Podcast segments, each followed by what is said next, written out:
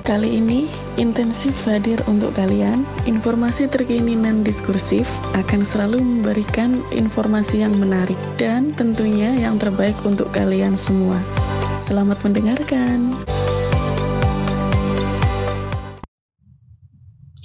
Assalamualaikum warahmatullahi wabarakatuh. Selamat datang di Jang Utama Podcast. Podcast suara kita, suara hati bersimfoni dalam gerak langkah pasti.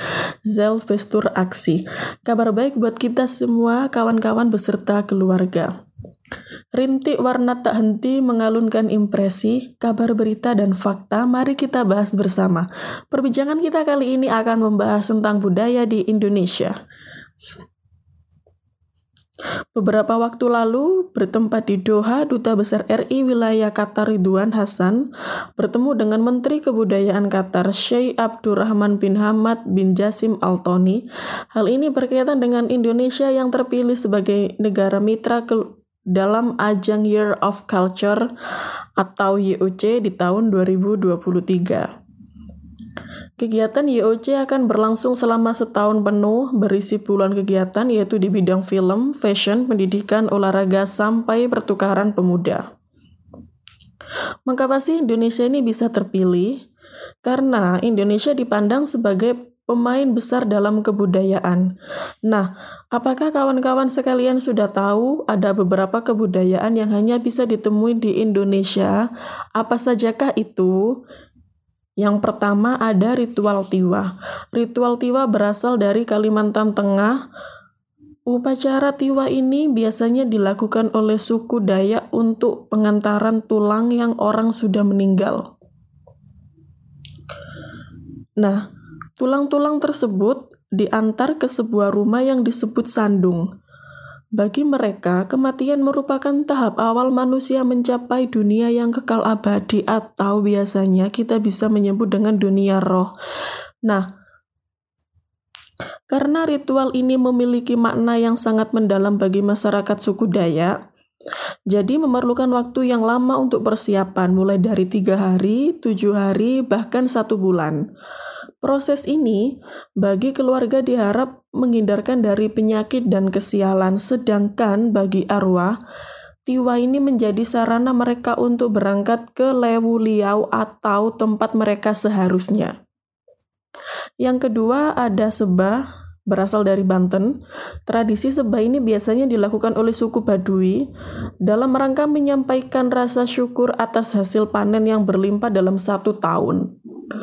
Konon, upacara sembah ini sudah berlangsung sejak ratusan tahun silam, tepatnya pada masa kejayaan Kesultanan Banten. Adapun secara khusus tujuan sembah antara lain yaitu membawa amanat puun atau ketua adat, memberikan laporan, menyampaikan harapan, dan menyerahkan hasil bumi. Dan yang terakhir, yang ketiga, ada tabuik berasal dari Sumatera Barat. Tabuik merupakan tradisi tahunan masyarakat Pariaman, Sumatera Barat. Sebuah upacara yang mengenang meninggalnya cucu Nabi Muhammad Shallallahu Alaihi Wasallam yang bernama Hussein bin Ali yang meninggal di perang Karbala di Irak. 10 Muharram 61 Hijriah 10 Oktober 680 Masehi. Kata tabui sendiri diambil dari bahasa Arab yang mempunyai arti peti kayu. Untuk jenisnya terdiri dari dua macam, yakni tabuik pasa dan subarang. Dalam jurnal Vina Duyanti, makna tradisi tabuik ini menggambarkan pola hidup dan sikap masyarakat Pariaman.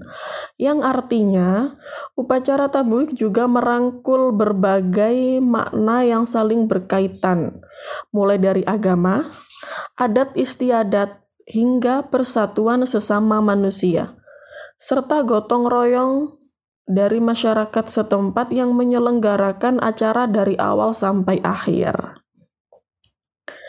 Nah, itulah beberapa budaya di Indonesia yang memiliki makna mendalam dalam kehidupan masyarakat Indonesia. Sebagai generasi penerus, sudah selayaknya kita memahami nilai-nilai yang terkandung dalam budaya warisan bangsa. Terima kasih telah setia mendengarkan dan mengikuti Jang Utama Podcast. Nantikan berbagai rubrik menarik lainnya. Sampai jumpa. Wassalamualaikum warahmatullahi wabarakatuh.